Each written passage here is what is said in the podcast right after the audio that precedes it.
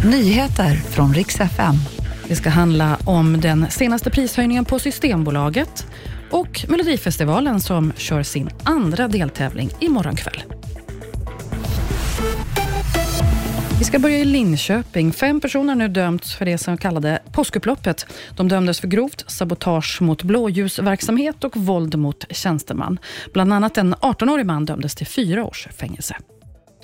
Snart höjs priserna på Systembolaget igen och det här görs ju regelbundet. Två gånger om året justeras de upp beroende på hur mycket leverantörerna höjer priserna och de följer inflationen. Men den här gången så blir höjningen inte så stor.